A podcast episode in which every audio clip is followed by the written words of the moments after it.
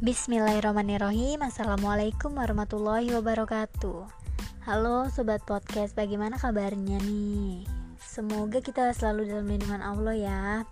Oke kita lanjut ke nomor 4 Soalnya ialah Jelaskan pembagian tas haruf kauli goiro akdi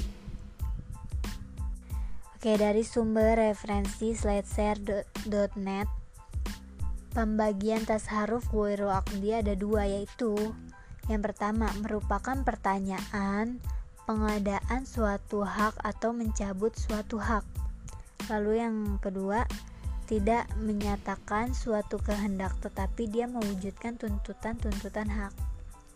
Oke, cukup sekian penjelasan dari saya.